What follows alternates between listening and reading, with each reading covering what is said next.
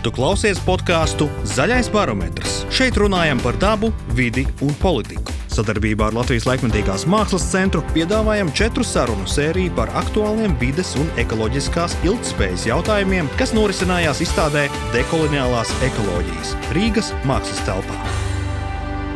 Dod vārdu Lienai. Jā, Jā paldies, labvakar. Uh, vides aktīvisms uh, plašākai sabiedrībai. Uh, bieži vien saistās ar tādām ļoti stereotipiskām lietām. Ja cilvēkiem uz ielas pavaicātu, kas ir vidas aktīvists, tad uh, varbūt saņemt atbildi, ka tas ir kāds, kurš piesienās pie koka, vai tas ir kāds. Uh, Greenpeace radikālais darbonis. Šeit šodien ir iespēja tikties un aprunāties ar cilvēkiem, kurus varētu identificēt kā Eh, aktīvistus un, un arī caur to ieraudzīt, cik vidas aktīvisms ir daudzslāņains gan Latvijā vēsturiski, gan arī šobrīd pasaulē, kad mūsdienu ekoloģiskās un klimata krīzes ēnā tam ir tiešām ļoti daudz un dažādas sejas. Un nekavēsimies sākt sarunu un pirms tam iepazīsimies ar mūsu sarunas dalībniekiem. Tātad Inga Erdmane, māksliniece, kas savos darbos pievērš uzmanību sabiedrības attiecībām ar individu, dokumentējot reālus notikumus un piedāvājot to interpretāciju instalācijās, video, fotografijās, fotogrāmatās. Ingas darbs ir aplūkojams arī šajā izstādē. Uh, Liene Kņaze. Uh, es par Lieni zinu uh, kā Fridays for Future aktīvisti, tātad uh, klimata aktīvisti, zero waste aktīvisti, bet uh, Liena to visu apvieno arī ar to, ka ir uh, latviešu tradicionālās folkloras, latviešu tradīciju pārzinātāja. Uh, man līdzās Valdis Ābols. Uh, ļoti patīkami, ka jūs esat šeit un uh, stāstam par aktīvismu. Varēsiet piešķirt arī tādu vēsturiskāku šķautni un varbūt dot kādu ieskatu tajā, uh, kas ko mēs varbūt vairs īsti neatceramies, kā Latvijas aktīvisms, vidas aktīvisms, ko tas nozīmē atmodas laikos, jo Valdis Abols ir viens no vidas aizsardzības kluba un Latvijas zaļās partijas dibinātājiem. Eh, es, es viņu zinu kā Rīgas laika redaktoru, kā, tāpat kā droši vien arī daudzi citi. Ah, man līdzās sēž Ieva Langa, kas man ir personiski ļoti nozīmīgs cilvēks, jo mēs esam nevienu cīņu saistībā ar meža politiku izcīnījušas. Ieva nepārstāv nevienu organizāciju, lai arī oficiāli kaut kāda varbūt ir kaut kāds karodziņš, bet uh, Ieva ir cilvēks, kas uh, kā individuāls pilsoniskais aktīvists aizies līdz uh, prezidentam, līdz ministru prezidentam un visur, kur vajag, lai uh, runātu par jautājumu, kas ir svarīgs un kas uztrauc. Un, jā, prieks tevi redzēt šeit, Ieva. Uh, un uh, Krista Burāne ir režisore, kas arī ir uh, vidas aktīvisma tēmā pēdējā laikā kļuvusi pazīstama saistībā, vairāk dzirdama, redzama saistībā ar meža tēmu. Bet, Krista ir vienmēr bijusi sociāli aktīva, uh, sociāli aktīva pozīcija viņas uh, mākslā, un uh, viņas darbi aicina skatītājus līdzdarboties un līdzradīt un domāt par dzīvi kopumā. Tā kā brīnišķīga kompānija, un es Gribēju sākt ar to, ka ļoti bieži aktīvisti tā tiek identificēti no malas un paši sevi nemaz tā paša nav šī aktīvista pašidentifikācija. Kā ir jums, vai jūs varat teikt, jā, es esmu aktīvists? Tā kā ātri mēs varētu iziet tādu. Nu, es domāju, ka es varētu sev pieskaitīt pie tiem pirmajiem, kad es sev ne, ne, neidentificēju kā aktīvistu. Kaut gan, protams, es pied, esmu piedalījusies daudz dažādās akcijās. Arī. Mm -hmm. Nu, es sevi gan piedēvēju pie aktīvistiem, jo es cenšos būt aktīva un tomēr noturēt to interesi sabiedrībā, kad ir svarīgas lietas un tās tēmas ir aktuālas. Ja drīkst, es atbildēšu ar anekdoti. Lūdzu. Par, par Jāzepu Vītolu ir tāds nostāsts. Ka mm, pagājušā gadsimta sākumā Dombrovskis uzcēla Ziemeļblāzmu, kā jūs zināt, to mītni, kā, kā mītni um, atturībniekiem. Be, bez Dionīsa, jā, bez Dionīsa klātbūtnes. Kulds? Bez Dionīsa klātbūtnes. Bez Dion, jā, jā, kā mītne atturībniekiem. Lūk, viņš bija lūdzis, laikam, Jāzepam Vīstolam uzkomponēt kādu skaņdarbu šai atklāšanai pa godu. Un Vītols to arī bija izdarījis, un viss ļoti labi, ēka tiek atklāta. Un pēc tam uh, Dombrovskis viņam tā saka, nu, uh, lieliski, Vītola kungs, viss izdevās mums. Varbūt jūs varētu uh, arī iestāties mūsu atturīdnieku biedrībā. Uz ko Vītols uh, samulsis nedaudz, un pēc tam tā kaut ir noteicis, varētu tikai kā atbaidošs piemērs. um, es gribēju teikt, ar to, ar to es gribēju teikt, ka manas uh, aktīvista mūžs uh, ir, um, bija 80. gadi, un tas ir pagājis. Tagad uh, es negribētu būt atbaidošs piemērs uh, aktīvistu kustībā. Es nekādā ziņā sev nesaistu pašlaik mm. ar kādu aktīvistu. Um, man laikam grūti iedomāties, ka kāds varētu vienā dienā izdomāt, ka eju, es būšu šodien aktīvists no šodienas. Tā kā man arī bija vienkārši tā situācija tāda, ka tik ļoti sāp, tik ļoti iekšēji, ka vieglāk ir tev darīt, nekā sēdēt un sāpēt to sāpi par kaut kādu tēmu. Manā gadījumā tas bija par mežiem, nu, un tad tu arī nemanot kļūsti par aktīvistu, kaut gan es nekad tādu neesmu jutusies. Man liekas, ka es um, mēdzu rīkoties pilsoniski atbildīgi, un tad, kas ir vienkārši normāla cilvēka rīcība, un tad uh, citiem uh, liekas, ka tas ir aktīvisms. Bet mm -hmm. nē, es negribētu, lai mani sauc par aktīvistu, lai gan, diemžēl, man tā sauc, un arī tu mani tā nosauci. tā kā, uh, jā. Man liekas, ka pilsonisks aktīvisms, pilsoniskā, at, pilsoniska atbildīga rīcība, um, diemžēl, uh, mūsu sabiedrībā tiek asociēta ar aktīvismu, lai gan tam tā nevajadzētu būt. Ja mēs runājam par aktīvistiem, kā nu, teiksim, mēs redzam, vai no ārpuses, vai arī iekšēji identificētu grupu. Katrā sabiedrībā lielāka vai mazāka, bet tā ir parasti neliela. Un uh, visbiežāk nepārsniedz pāris procentu robežu, vai, vai ir bijuši arī pētījumi, cik ir nepieciešami šie aktīvie pilsoņi, pilsoniski atbildīgie cilvēki. Taču tieši šie cilvēki spēj iekustināt citus, kas varbūt ir tādās līdzīgās domās ar līdzīgu sāpi. Kā jums šķiet? Kas jums bija? Jūs jau daži no jums pieminējāt, kas jums bija tas impulss būt sociāli aktīvam, vai tā, nu, kā, kā jūs. Kā Ieva teica, nepamostos no rīta un uh, nepadomāju, ka šodien būšu aktīvists, kā jūs nokļuvāt uz šī ceļa, kad jūs no malas lūk var nodēvēt par aktīvistiem? Varbūt Liena palūkšu sākt, jo viņa ir tā, kurš šeit saka, jā, es esmu aktīvists. Jā, tā tad es nonācu pamazām, bet um, tradicionālā kultūra būtībā ievie, ievieš mīlestību pret dabu, un tas arī esot pilsētvidē, nu, tā kā iet līdzi. Um, un ne tikai šī ir aktuāla temati, bet arī dzēna tas, kad uh, pasaulē notiek um, šis te pārmaiņas, kas varbūt nav labākais, kas varētu notikt. Jo, ja mēs atbildīgi rīkotos, tad šīs pārmaiņas varbūt būtu mazākas.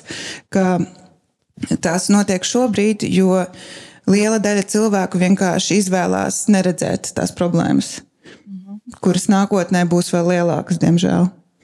Un, ja es arī būšu tas, kurš sēdēs divānā un neko nedarīs, tad uh, es nevēlos būt uh, tas cilvēks, kurš uh, nākotnes cilvēkiem pateiks, jā, piedodiet, es arī biju tas, kas sēdēja divānā, domāju par to, bet neko nedarīju. Mm -hmm. Inga. Nu, manā gadījumā laikam ir tas, ka tā kā es strādāju ar, ar dažādām sociālām grupām, kas neskaitās nu, tādas. Um,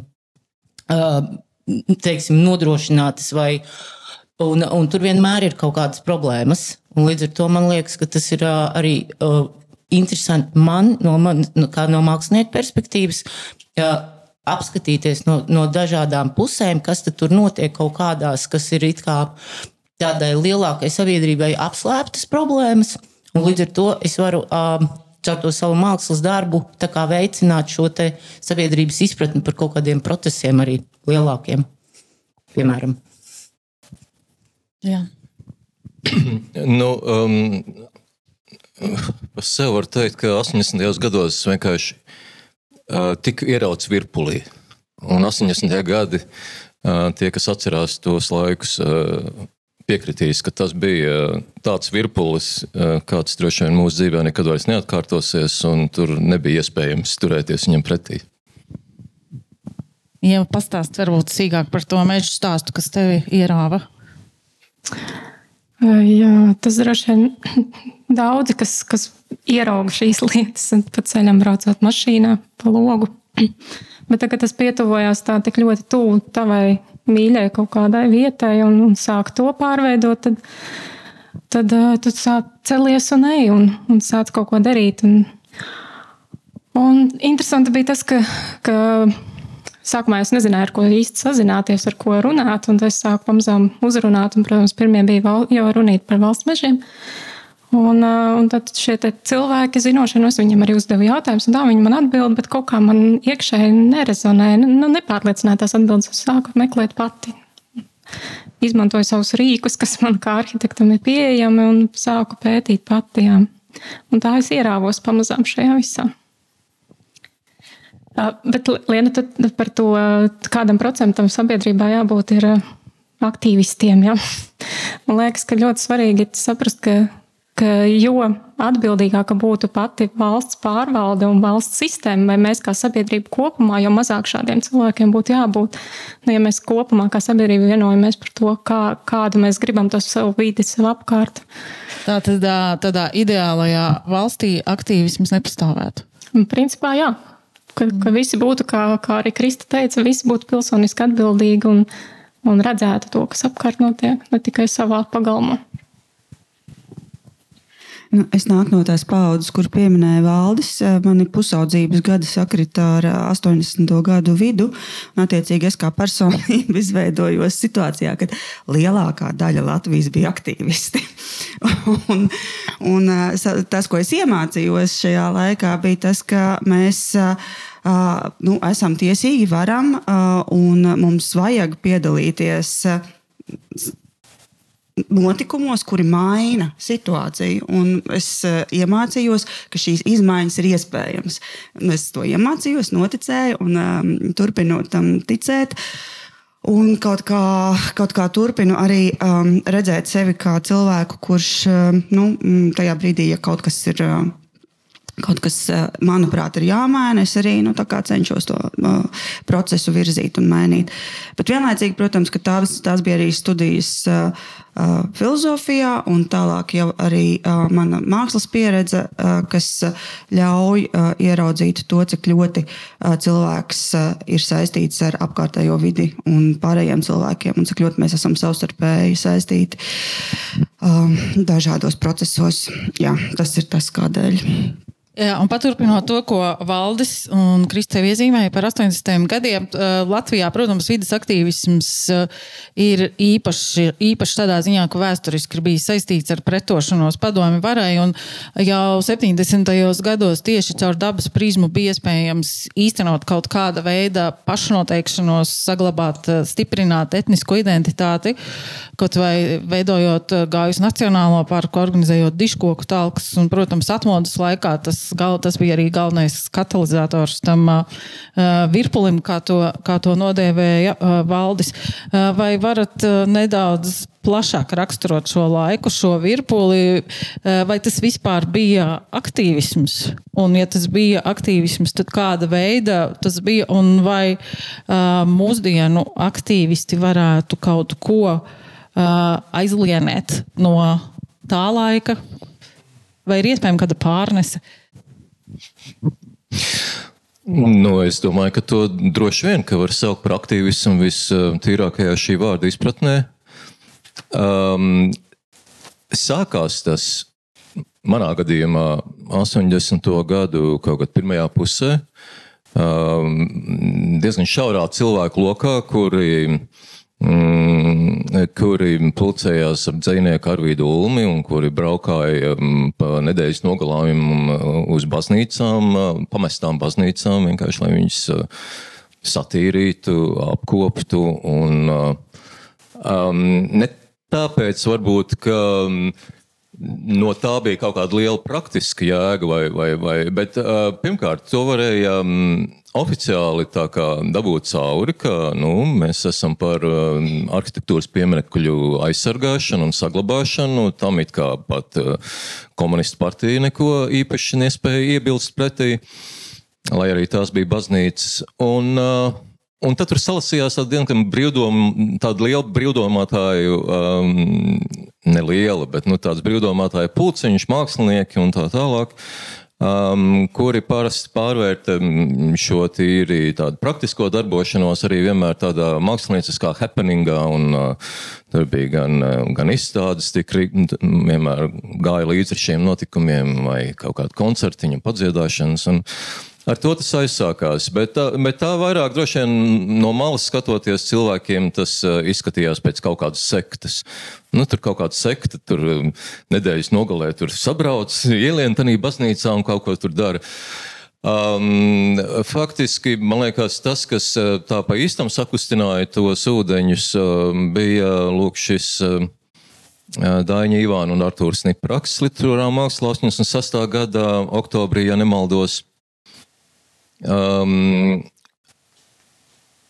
kas izraisīja uzreiz momentā milzīgu rezonanci. Um, Vides aizsardzības klubs tajā laikā vēl nebija nodibināts, bet mēs uzreiz iesaistījāmies parakstu vākšanā. Tas kaut kādā veidā, es domāju, arī pātrināja tā vidas aizsardzības kluba nodibināšanos. Jo, lūk, bija šī tēma, pacelta dabas aizsardzība. Uh, Tas bija izgājis cauri. Raksts nebija um, not, aizliegts. Um, redaktors um, nebija atbrīvots vai atlaists no darba.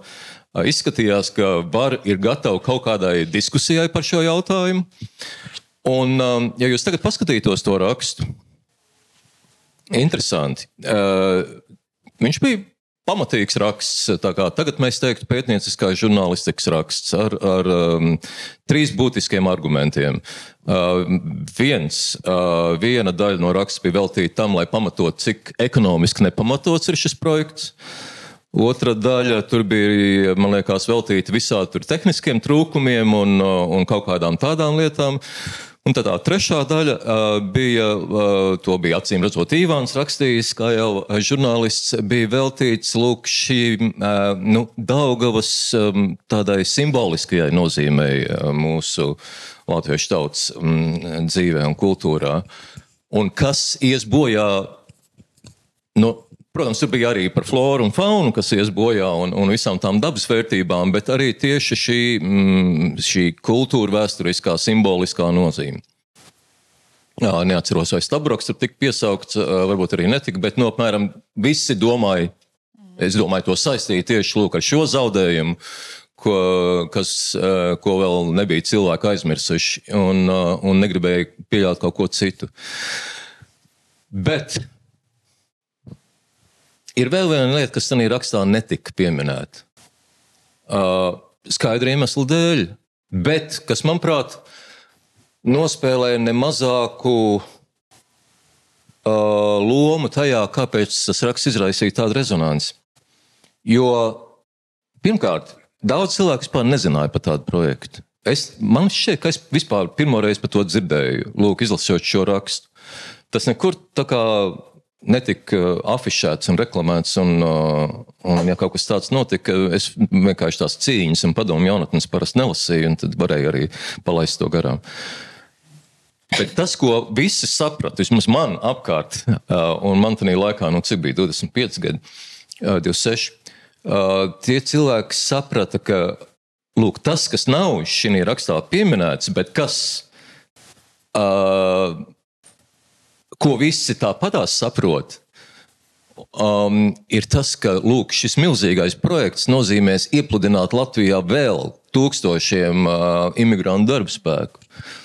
Un es domāju, tas ir tas, kas uh, varbūt nospēlēja vislielāko lomu. Mēs uh, nu, tas koloniālisms jau bija uh, nu, piegriezies līdz tādai vietai, ka nu, mēs arī atceramies tos ciparus. Tajā laikā pat oficiālā statistika ziņoja par to, ka latvieši. Jeb tie, kas sev uzskata par latviešiem, Latvijā ir palikuši 52%. Nu, tur nebija tālu līdz 50%.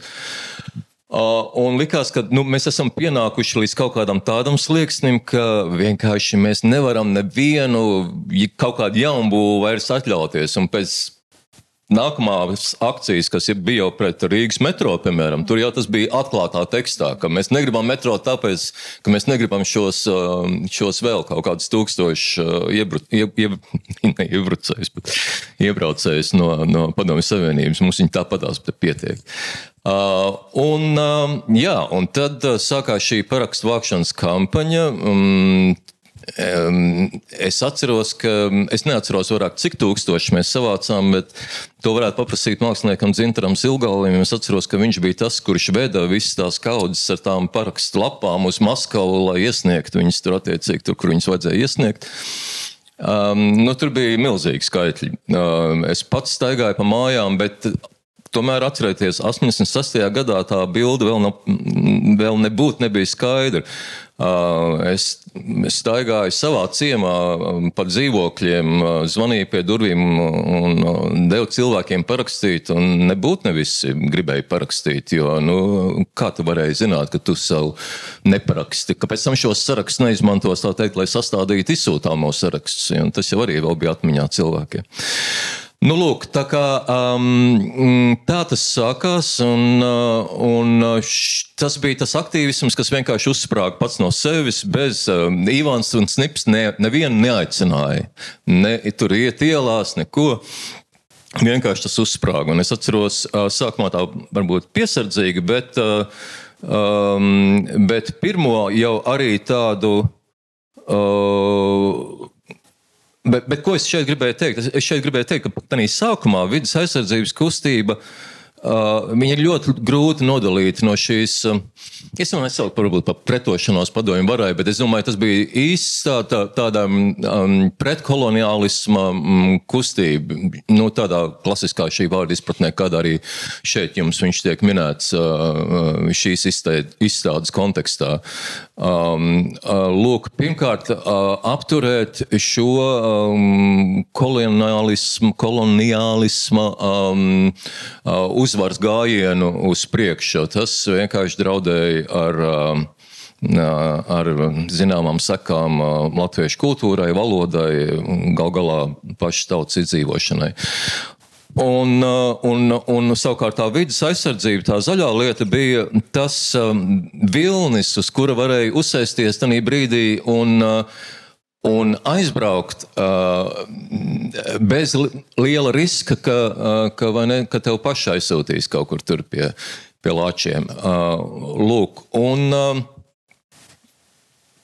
un nu, tam perestroikas procesam virzoties uz priekšu, nu, cilvēks sajūtās ar vien drošāk un drošāk, un, uh, un tās rindas auga un auga. Un tad, kad mēs dibinājām vidus aizsardzības klubu 87. gada februārī, Tad jau tad bija, es nezinu, cik tur tie simts cilvēki, bet bija jau bez kādiem sociāliem tīkliem. Tāpat tās bija uzzinājuši, un atraduši, un atbraukuši, un gribēja uzreiz pierakstīties un, un darboties. Um, 87. gadā es atceros arī Vides aizsardzības klubs organizēja gribēja organizēt pirmo demonstrāciju, nu, tādu ielu demonstrāciju. Um, 87. gada Jūnijā, ja atceraties, Helsinkieši izgāja pie brīvības pieminiekļa, uh, bet tā, protams, bija nesankcionēta um, demonstrācija, kas tur. Um, bet uh, mēs gribējām tā kā oficiāli. Nu, kā, mēs esam oficiāli reģistrēta biedrība. Uh, Vides aizsardzības klubs mēs uh, uzrakstām, uh, un bija jau pieņemts kaut kāds likums, man liekas, kas atļāva jau kaut kādas šādas aktivitātes. Um, un mums arī atļāva. Un septembrī mēs tur sapulcējāmies pie BF kultūras pils. Mums bija paredzēts gājiens. Um, kaut kur pa brīvības ielu, neatceros vairs līdz kurienei. Pirms tam mēs tur cītīgi sagājām atkal kopā ar māksliniekiem un sazīmējām plakātus. Es atceros, es biju pats ļoti lepns par savu plakātu. Es vairs neatceros, vai es pats to tekstu izdomāju, vai, vai no, kaut, no kaut kurienes aizņēmos. Bet tas ir plakāts, kas ļoti labi ilustrē šīs kustības, tā teikt, to dubulto dibenu. Plakāts bija tāds: nepārvērtīsim Daugavu par sarkanu Daugavu. un uh, jūs varbūt atceraties, Sarkandaugavu tas bija viens no tādiem Rīgas piesārņotākajiem objektiem? Tas, tas grāvis, tas, uh, kas bija pilns ar visādām Mendeļēju ķīmisko tabulu. Uh, bet te arī tā, tā otrā nozīme. Un tas lēmums par Daugavpils Hess apturēšanu panī brīdī vēl nebija pieņemts, tā kā nu, tas spēlēja tā kā uz abām pusēm. Un es domāju, ja, nu, ka Ja man kāds kaut ko prasīs, nu kā, nu, lūk, man ir uh, vides uh, aizsardzības rūpē balstīts pamatojums. Uh, nekādas otrās domas man tur nav. Uh, un, bet nu, mums beigās tomēr uh, neatļāva. Tur ieradās kaut kādi čekisti un, un miliči, un, un tad tur bija sarunas ar, ar kluba vadību. Tad beigās tomēr sarunāja, ka mēs noturēsim to mītiņu uh, F kultūras pilsētas telpās un, uh, un ielās neiesim. Es nezinu, kā viņi tur nobijās. Bet, um, nu, labi, nu, tas bija tas pats sākums. Es, es varētu ilgi un gari, protams, stāstīt, bet varbūt. Um, varbūt es uh, Kristē pavaicu pavaicāšu, kā, kā cilvēkam, kas ir piedzīvojis tā laika. Tos senos laikus. Tos senos laikus, kā pusaudze, un šobrīd arī ir aktīviste. Vai piedodot šajā, šīs diskusijas nolūkiem, saukšu tevi par aktīvisti? Vai nu, kā, kā tu salīdzinātu tā laika aktīvismu un mūsdienu aktīvismu Latvijā, vai tas vispār ir salīdzināms, vai tas bija kaut kas pavisam cits ar pavisam citu motivāciju? Migrācija un vidas jautājumi bija tikai šis vilnis, uz kā uzsēsties, kā, kā minēja Valdis. Nu, man liekas, ka uh, toreiz eh, tā kustība, un pārliecība un vēlēšanās iet un kaut ko mainīt bija daudz spēcīgāka nekā tagad. Un tā ir tā lielākā atšķirība, ka man liekas, ka šo, šobrīd aktīvists patiešām ir tāds eh, nelaimīgs vienpatnis, kurš ik pa laikam savāc citus nelaimīgus vienpatņus pulciņā kaut kur pastāv eh, paportistē bezcerīgi, protams. Ja. Toreiz nu, man bija 14, 15, un mēs skatījāmies skatījāmies, protams, uz to, kas notiek, ko dara vidus aizsardzības klubs vai kā cilvēki reaģē uz Ivāna rakstu. Es atceros, mēs ar draugiem sēdējām šo Ivāna rakstu, lasījām savos 14 gados, bet tas, ko mēs darījām, nu, mums nebija organizācijas. Mēs bijām vienkārši nu, draugu kopa 5 līdz 10 cilvēki. Eh, kuriem gan bija eh, praksa. Mēs bijām tur bijuši dažās talkās ar ziedoni kopā, bijām tur aizbraukuši eh, uz, uz, uz Vecpiebalgas baznīcu arī um, kopējā talkā. Mēs zinājām, ka lielie pieaugušie cilvēki tā dara. Un, un mēs gribējām paši kaut ko tādu darīt, un tad mēs atradām Rīgā tās nekoptās vietas. Un, un vienkārši gājām un viņas kopām. Uh, bija ārkārtīgi nolaista tā uh, jaunu uzbūvētā ķieģeļu, um, pēkšņi aizmirst, kā, kā to nocietinājumu sienu sauc pie arsenāla. Uh, nu, Nē, nu, pie pulveru torņa, var sakot, un, un, tur, un tur bija sasisti stikli un, un izdauzītas lampiņas, un vienkārši miskasta, miskasta, miskasta. Un, ko mēs darījām? Mēs vakaros gājām, braucām no purciem, jo mēs visi bijām, mēs braucām uz Rīgu, kas bija tāds skaistuma etalons arī, kur, kur vēl tā pirms koloniālā vēsture un, un dzīve bija sajūtama. Mēs no Purčika braucam ar trolēbusu, sakopjam kaut kādu pleķīti pie tās sienas un tad slepeni pa, pa, pa, pa sienu. Uh, tur malā viņai bija tāda izvirzīta ķieģeļa. Mēs kāpām augšā un lasījām čaku, un, un, un lasījām viens otram priekšā dzēju. Mācījāmies no galvas.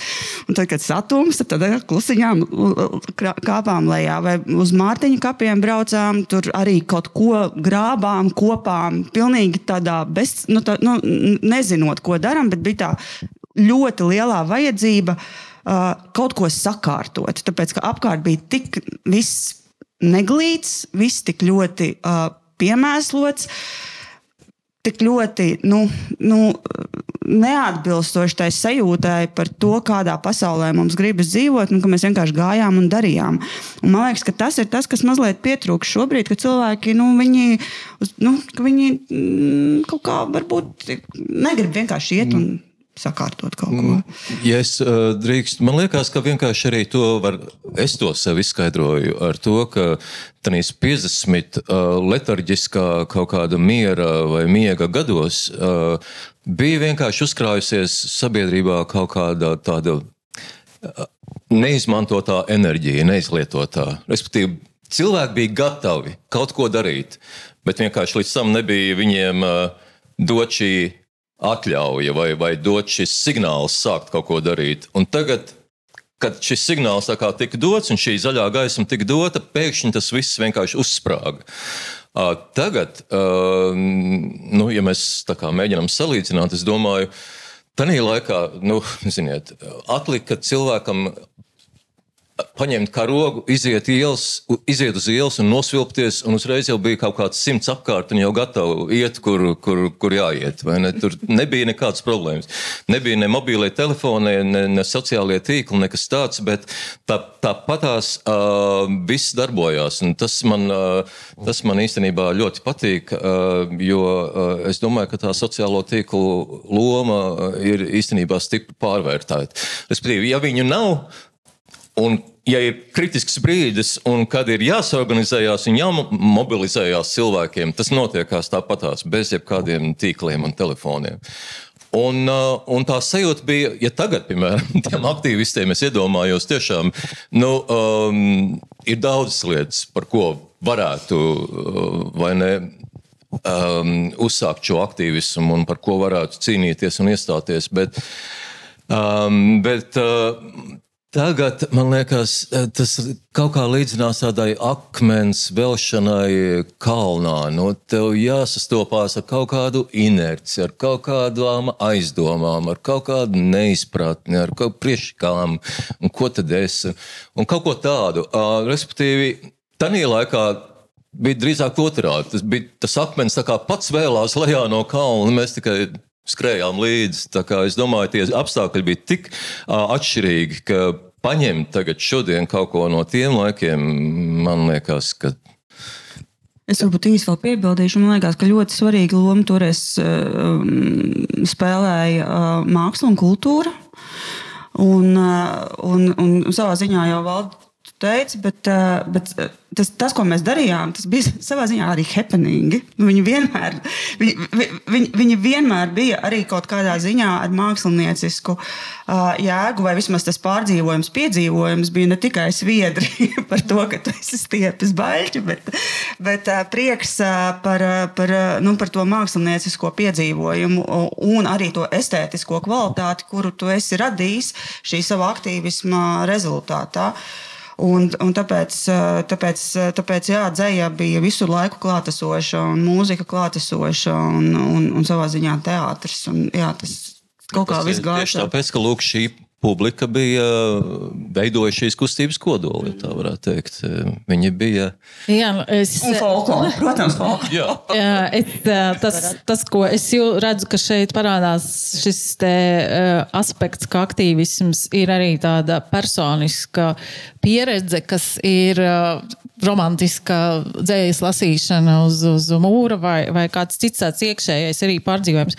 Liena, Jā, man bija piebilstams tas, ka eh, vai 80. gados bija tik ļoti liela informācijas plūsma, kas mūsdienās ir vienkārši ļoti bieži tas, kad eh, sastopot jauniešus, viņam ir sāp dzīvnieki, sāp um, maisiņu, nezinu, nepareizi izmantošana. Ir tik daudz problēmas, kuras viņam sāp, ka viņš vienkārši nespēja Eh, saņemties, lai kaut ko atrisinātu. Mums pat ir bijuši tādi vakarēšanas vai pasēdēšanas, kur mēs vienkārši runājam par to, cik viss ir slikti un ir depresija, jo viss ir slikti. Nu, jā, ekoloģiskās skumjas vai klimata depresija ir jau jēdziens, kas jau tiek ar vien vairāk un oficiālāk aplūkots. Bet, uh, Liena, uh, saka, kā tu raksturotu mūsdienu aktīvismu Latvijā, jo tev ir šī vairāku organizāciju pieredze uh, un saskarsme ar cilvēkiem, kuri ir teikt, paši identificējas kā aktīvisti. Un, kā tu teiktu, kāds ir tas uh, mūsdienu aktīvisms no tava skatu punkta? Nu, mūsdienu aktīvismu ir jāiedala vismaz uh, trīs fāzēs. Viens ir tas, ko mēs redzam presē, sabiedrībā uz ielas izējot, kad ir varbūt kaut kas skaļāks. Uh, otrs ir darbs ar politiķiem un uh, vispār, lai kaut ko vispār izmainītu, jo tikai stāvēt pie saimas vai stāvēt pie ministru kabineta un kaut ko teikt, neko nemainīs. Ja mēs nestrādāsim ar to, lai mainītu arī kaut ko likumdošanā, un trešais ir vienkārši socializēšanās aktīvistu vidū, kas arī ir ļoti vajadzīga. Jo savādāk, ja cilvēks, eh, kā Kristija iepriekš teica, ka viņi lasīja dzēju, eh, bet ja mēs vienkārši izdarām kaut ko labu un eh, mums nav varbūt tā kopējā sajūta, ka mēs visi darām kaut ko labu, tad ir diezgan skumji.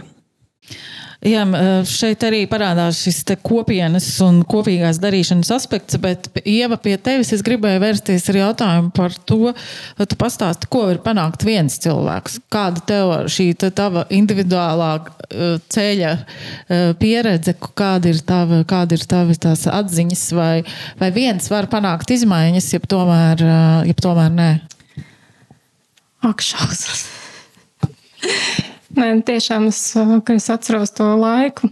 Te bija vairāki gadi, kad es tajā biju visā pilnīgi iekšā.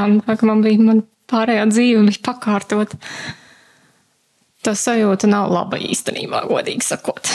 Nu, kad tu cīnies to akmeni, tu viņu vari īstenībā, viņš veļās visu laiku lejā. Nu, reāli tas tā ir, jo, jo nav ieinteresēta sauses traukšā ne, nekur. Viņš veļās lejā, un tu viņu var tikai pieturēt. Un tikko tu viņu neturi vairs, tā viņš atkal turpina vēlties. Un, un cik ilgi tu vari tu savu enerģiju likt tajā iekšā.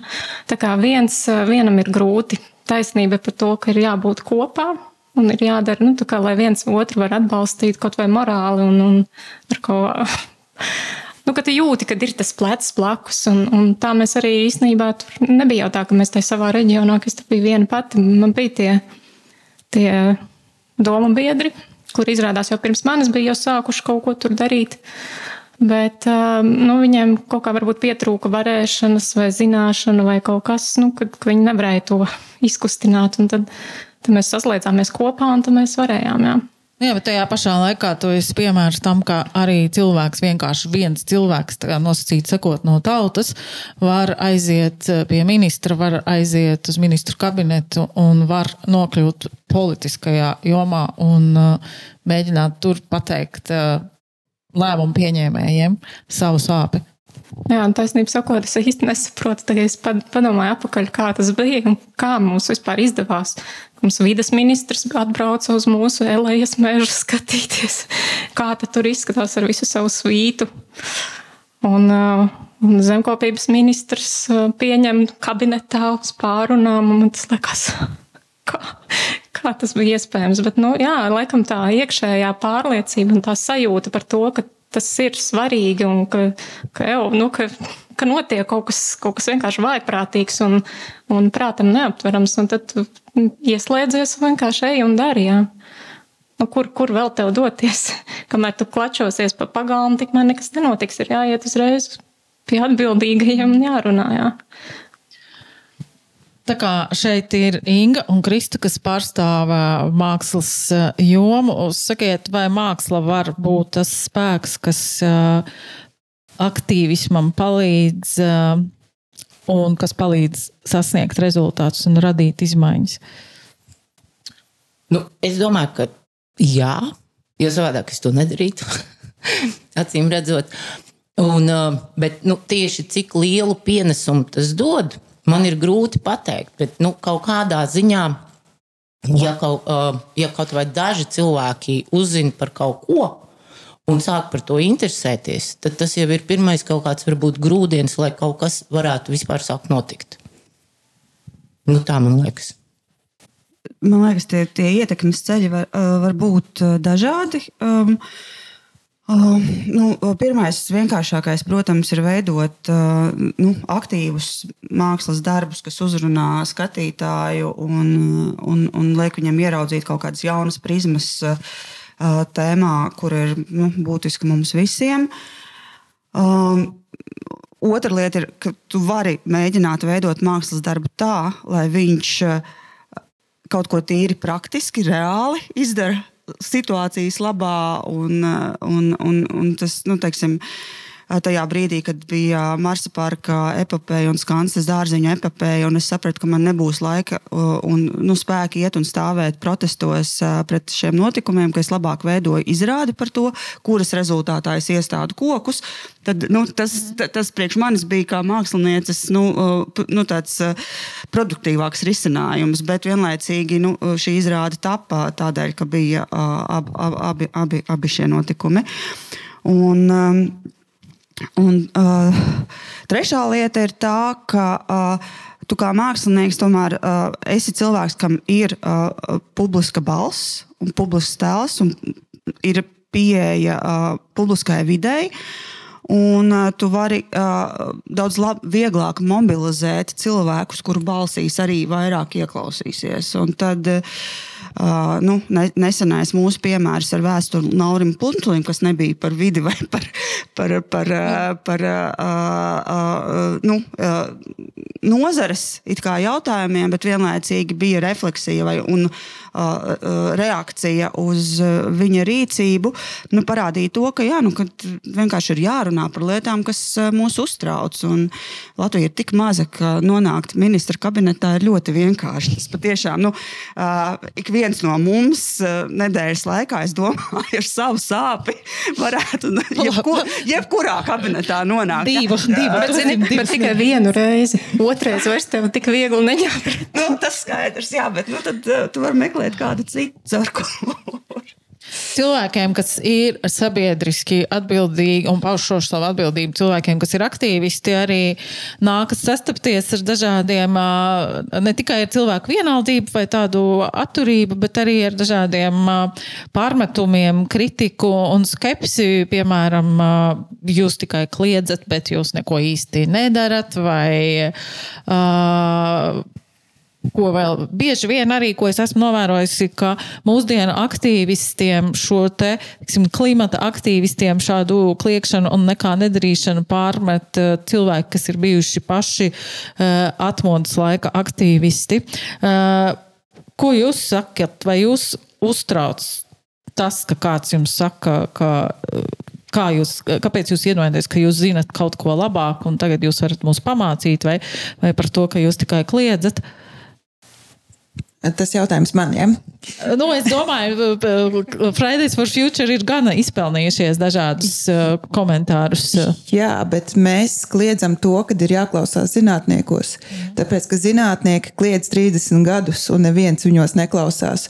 Un bizness vienmēr uzvar reālo saprātu, vai arī, piemēram, ja būs izdevīgi zāģēt kokus, tad zāģēs kokus. Nevis domās par to, ka nākotnē šie koki varēja būt lielāki lielāks pienesums eh, sabiedrībai, kā sazāģēt un pārstrādāt granulās vai kaut kā tādā variantā. Tāpēc eh, Nav tā, ka mēs kliedzam tikai kliegšanas pēc, bet mēs arī cenšamies tomēr izglītot, informēt, eh, varbūt atrast kādu pētījumu, kas ir veikts, un nu, piemeklēt to informāciju, lai tā nav, nebūtu tikai tukša kliegšana. Es, es gribu, jā, man šeit klausoties, man likās, ka īstenībā tā par to kliekšanu. Jā, ka kamēr tu vienkārši kliedz un, un nu, vai, vai, vai ej un cīnies, tikmēr tas tā, tā darbība tevi izsūc. Un ka ir ļoti, ļoti svarīgi, nu, ka nu, mūsu, laikam, mūsu gadījumā tiešām pietrūka tā, tā radošā, nu, ka kaut kas no tā veidojās. Nu, kad ir tur, nezinu, dzējas lasīšana vai kaut kāda izrāde, nu, ka to pārvērst kā tādu. Nu, ka pašiem prieks pēc tam par to rezultātu, kas ir sanācis. Mm. Mūsu gadījumā, protams, arī ir prieks par tiem dažiem izglābtajiem meža gabaliņiem, bet tas ir maz. Nu, un, un ka, ka tai darbībai pašai kā tādai būtu forši, ka viņa ir ar kaut kādu pievienoto vērtību, jā, ka nevis vienkārši plika cīņa. bet ka ir kaut kāds rezultāts tāds, nu, varbūt ne tiešais, bet tāds no malas. Jā. Jā, izskatās, ka īpaši neuztraucas šī, šie te. Nu, skaidrs, ka man uztrauc, tāpēc, ka uh, uh, tajā brīdī, uh, kad tu sāc uh, mm, skaļāk runāt par problēmu, kur tev uh, liekas nozīmīgi, nu, kaut vai par tiem pašiem mežiem un, un, un, un grozījumiem uh, meža ciršanas likumā. Uh, un uh, tu sāc uh, analizēt, pētīt, iedziļināties un ieraugi to, cik milzīgi resursi ir tajā pusē un cik absolūti bez resursiem ir vidas aizsardzības organizācijas un dabas organizācijas. Un tu saproti, ka tā cīņa būtībā ir absolūti nevienlīdzīga. Un, un, Nu, uh, un to arī uzreiz redzi, ka, jā, nu, ka mēs zaudēsim vienkārši tādēļ, ka tas resursu sadalījums ir nevienlīdzīgs. Uh, un tad vienlaicīgi ir tie cilvēki, kuri saka, nu, bet tad nopērc pati savu mežu, jā, un, mm. un dari ar viņu, ko, ko, ko tu gribi. Un tas uh, nav tas, ko tu gribētu darīt savā dzīvē. Nu, tu ne, nedomā par to, ka tu varētu būt mežkopis. Uh, tur ir ļoti nu, daudz negatīvas un bezcerīgas uh, emocijas. Bet vienlaicīgi, protams, ir arī tāda sajūta, nu, par ko mēs atgriežamies apļuvēdīgi nu, pie tā, ka, bet, nu, ja mēs to nedarīsim, tad tiešām nu, ir tie mūsu bērni, mm. kuriem mēs pēc tam nevarēsim acīs paskatīties, un kad ir jādara, ka ir jācīnās vienalga. Bet, nu, jā, tā, tā, Es gribēju jā, padomāt par to, ko darīt ar to nevienlīdzīgo resursu sadalījumu un par to, kā teiksim, tās pašas vidas un dabas aizsardzības organizācijas, kā viņas varētu uh, nu, tiešām piesaistīt to. Uh, Mākslas pusi, varbūt mhm. vairāk, mhm. radošo pusi, lai tas, ko viņi saka, tiešām aizskan un ietekmē vairāk cilvēkus. Jo iespējams, ka tas, ko piedāvā māksla, tas uh, Uh, nu, tā emocionālā, vienlaicīga un refleksīvā uh, klātbūtne uh, ļauj tam cilvēkam kaut kā jā, da, nu, pieslēgties tiešāk uh, tēmai, problēmai. Jā, ir jāsaka, ka pie līdzīgas atziņas par to, ka ir jātuvina šie vidas un dabas uh, profesionāļu un mākslas. Uh, samērā nošķirstie burbuļi. Nu, šī atziņa jau parādījās arī citās diskusijās, bet uh, mēs uh, esam minējuši par to, ka tas. Uh, Jā, ka aktīvisms ir arī diezgan smaga pieredze, bet varbūt jūs varat padalīties par to, kas ir jūsu darbā, jūsu aktīvajās rīcībās devis jums vislielāko gandarījumu. Inga. Oi, es nezinu. jo nu jā, tas, eh, eh, ko es gribēju vēl eh, varbūt mazliet piebilst pie tā iepriekšējā, ko Krista minēja, ka savienojot šos divus kopā to tiešo aktīvismu caur to kliēkšanu, kā jūs nosaucāt, un caur to mākslas praksi, ka man liekas, ka tad ir iespējams sasniegt to kritisko masu, lai vispār kaut kas sāktu notikt. Nu, arī lielākos tādos sabiedriskos slāņos iesaistot vairāk cilvēku. Un, un vienā mirklī sasniedzot to kritisko masu, notiek tās pārmaiņas. Man liekas, ka uz to arī ir jātiecās. Bet tas ir tik ideālistisks. nu, Nē, redzams, protams, ka jo, tas ir ideālistisks. Diemžēl nu, tieši tāpat kā par vidi, tāpat par mākslu mūsdienās cilvēki vairs neinteresējās. Nu, Jā, bet, bet mums, mums ir jāpaliek ideālistiem. gan aktīvistiem, gan māksliniekiem. Un katrā ziņā tie, kas neinteresējās par mākslu, visticamāk arī neinteresējās par vidi. Bet ir eh, prieks, kad eh, runājas ar cilvēkiem. Es, piemēram, arī uz skolām braukāju un kaut kādas uh, vidas aktīvismu lietas stāstu, ko jūs mājās dariet. Tad vienmēr ir mana omīte, tur maisiņus vāc, un tad es pats tur neņemu tos maisiņus. Nu, kā, kaut ko jau dara varbūt pat neapzināti, bet uh, katrs kaut ko nedaudz uh, savā ikdienā pamaina. Bet varbūt, ja mākslu pieslēgtu vēl klāt, spilgtāk to visu varētu uh, jaudīgāk padarīt un uh, parādīt.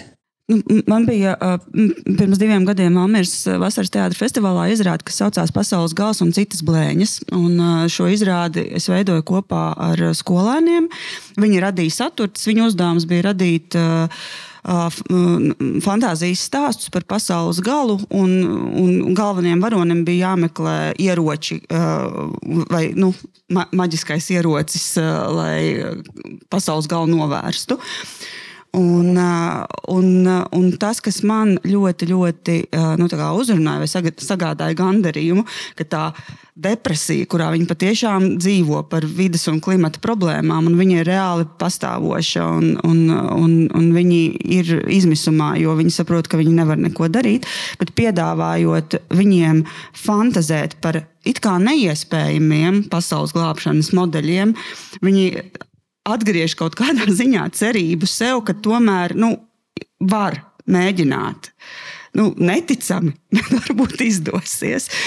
Un, eh, un, un, un tā bija tāda nu, līdziesaistes izrāde, kur liela loma bija arī skatītājiem, kuriem arī pēc tam izrādes beigās bija eh, pašiem šie savi pasaules glābšanas scenāriji jāraksta.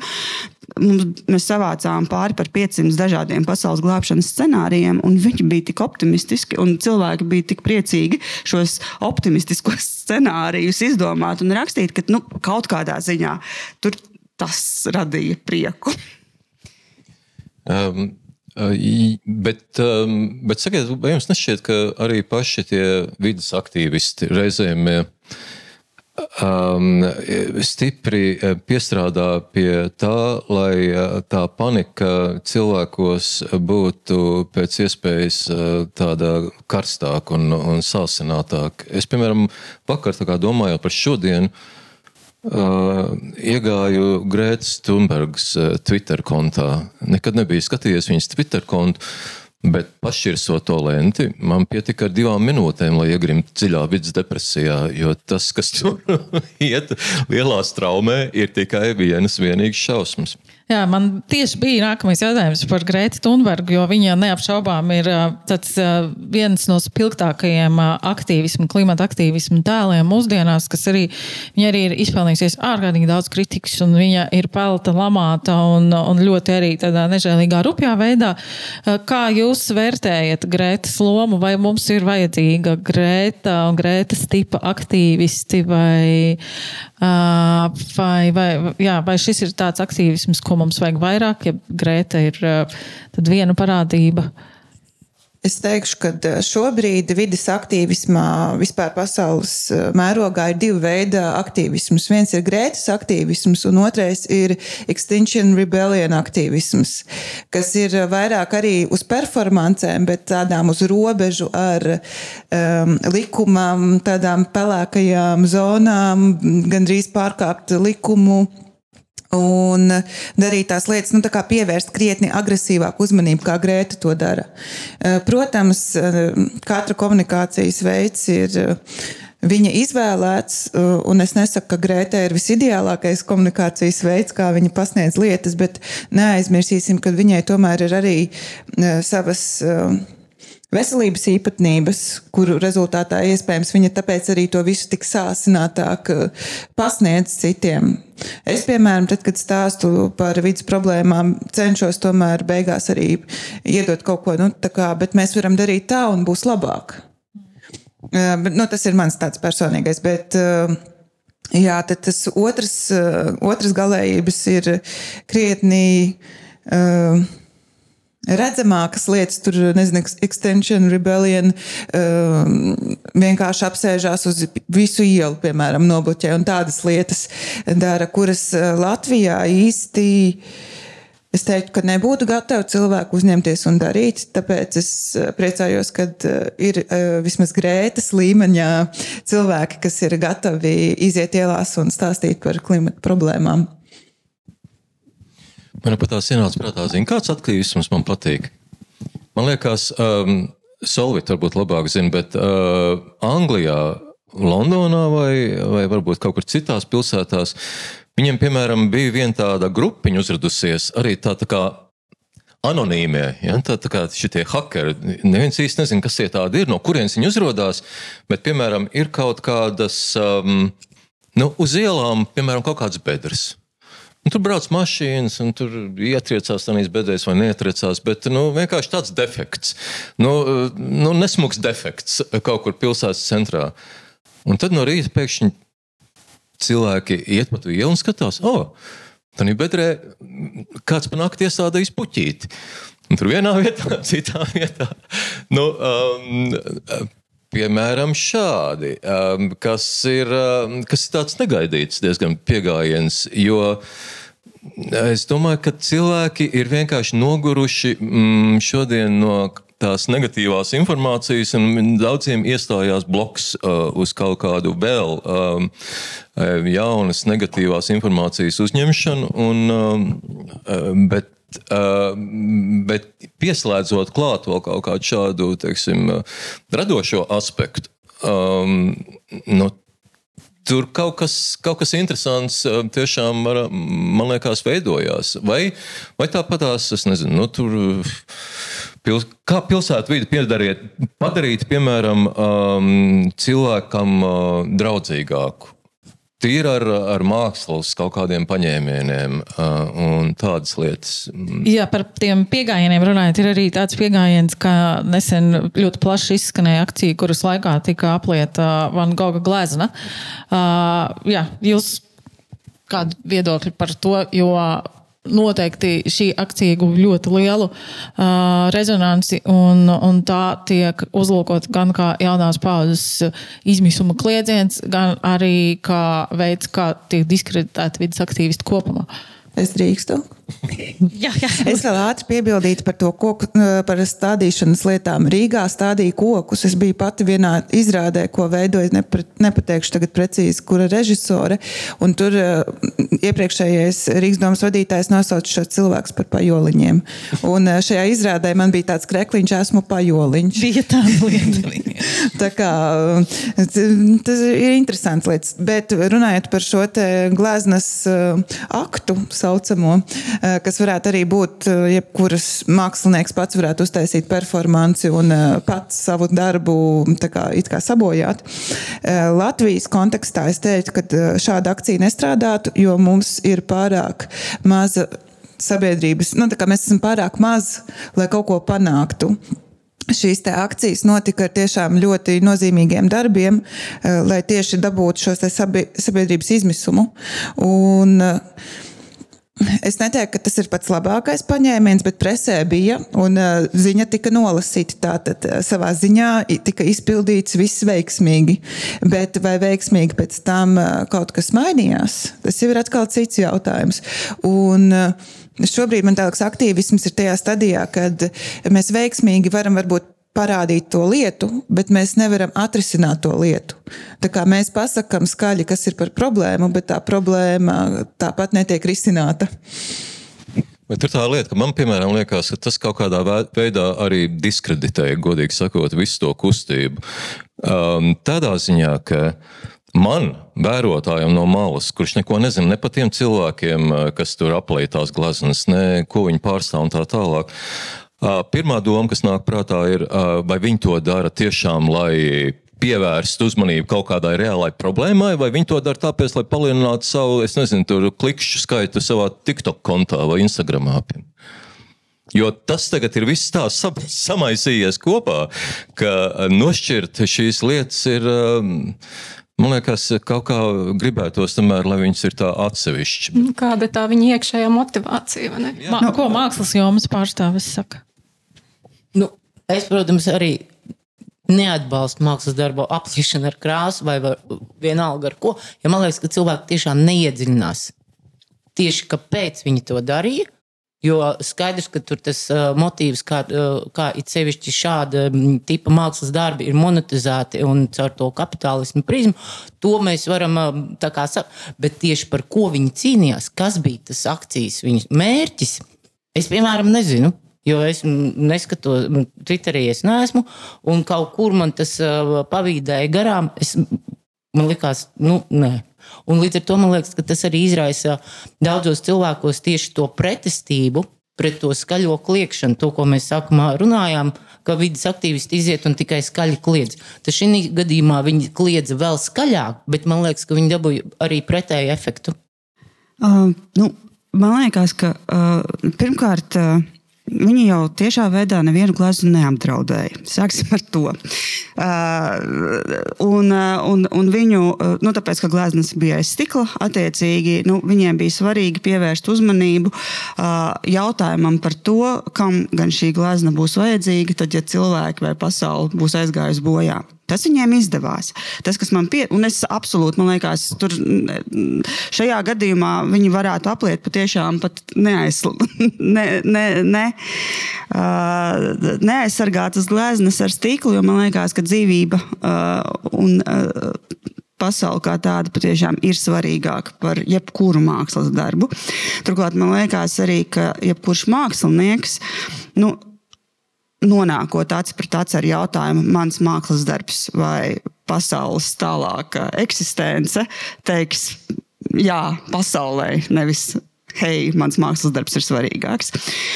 Um, nu, Vismaz es tā darītu.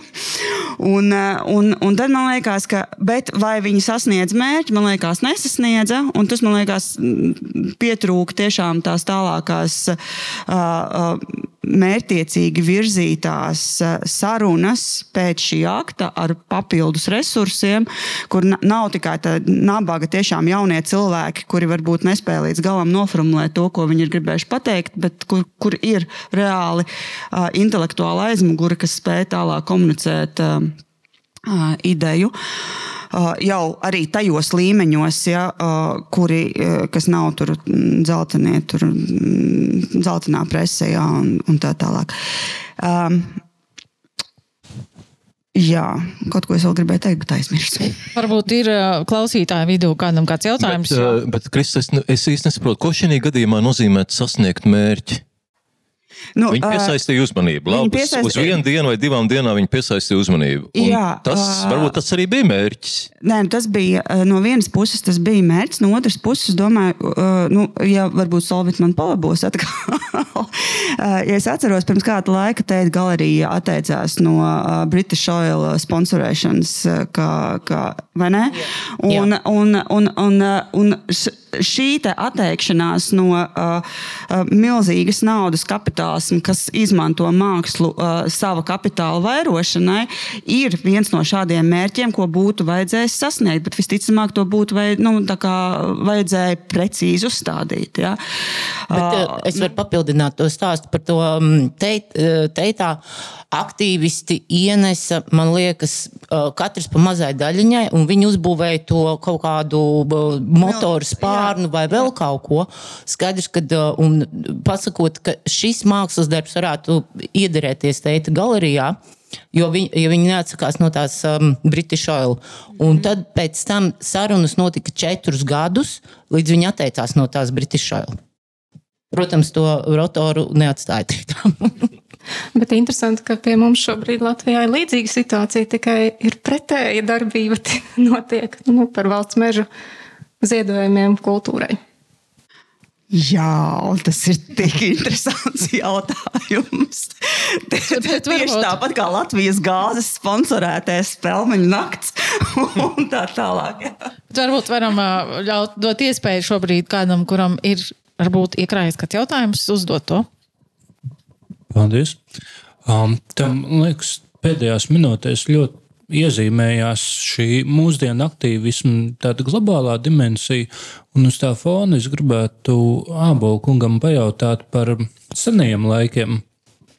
Um, kā šie te Latvijas aktīvisti, vides aktīvisti, vidas aizsardzības uh, kustības dalībnieki, uh, vai un kā tīklojās uh, ar kurām padomu republikām vai ar plašāku kaut kādu sociālismu bloku reģionu, ar kurām valstīm, vai arī tas nenotika?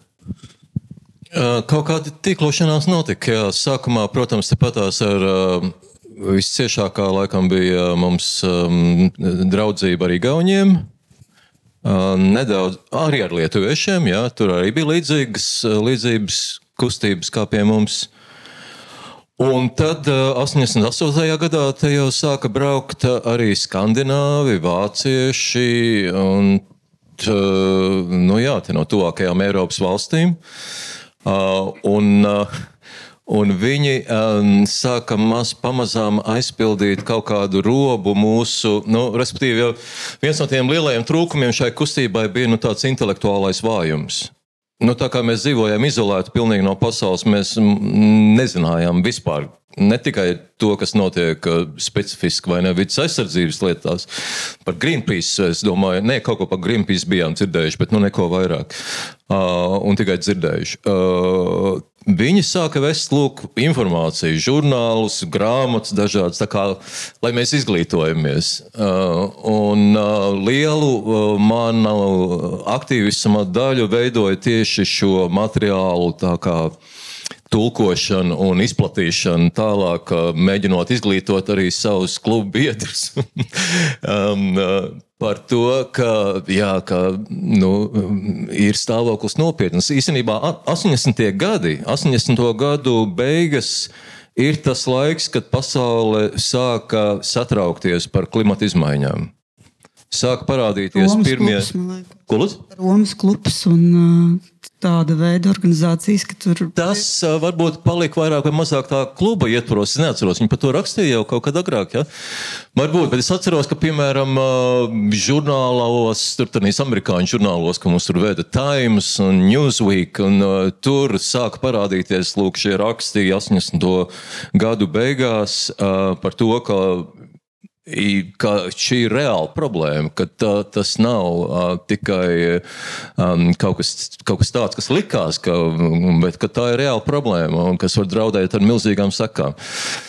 Tā kā, nu jā, tas tāda bija. Um, tad mēs, protams, arī braucām, mūs aicināja uz visādām konferencēm, un uh, mēs paši organizējām šeit konferences. Bija viena ļoti smieklīga konference Ēdolē 89. gadā, laikam, uh, pa ko varētu daudz stāstīt. Tas bija arī vesels happenings un notikums ar, ar 30 vai vairāk vāciešiem šeit uz vietas un, uh, un, uh, un čekistiem, kas gribēja mūs tur izsviest ārā un mūsu, tā teikt, pasīvo pretošanos.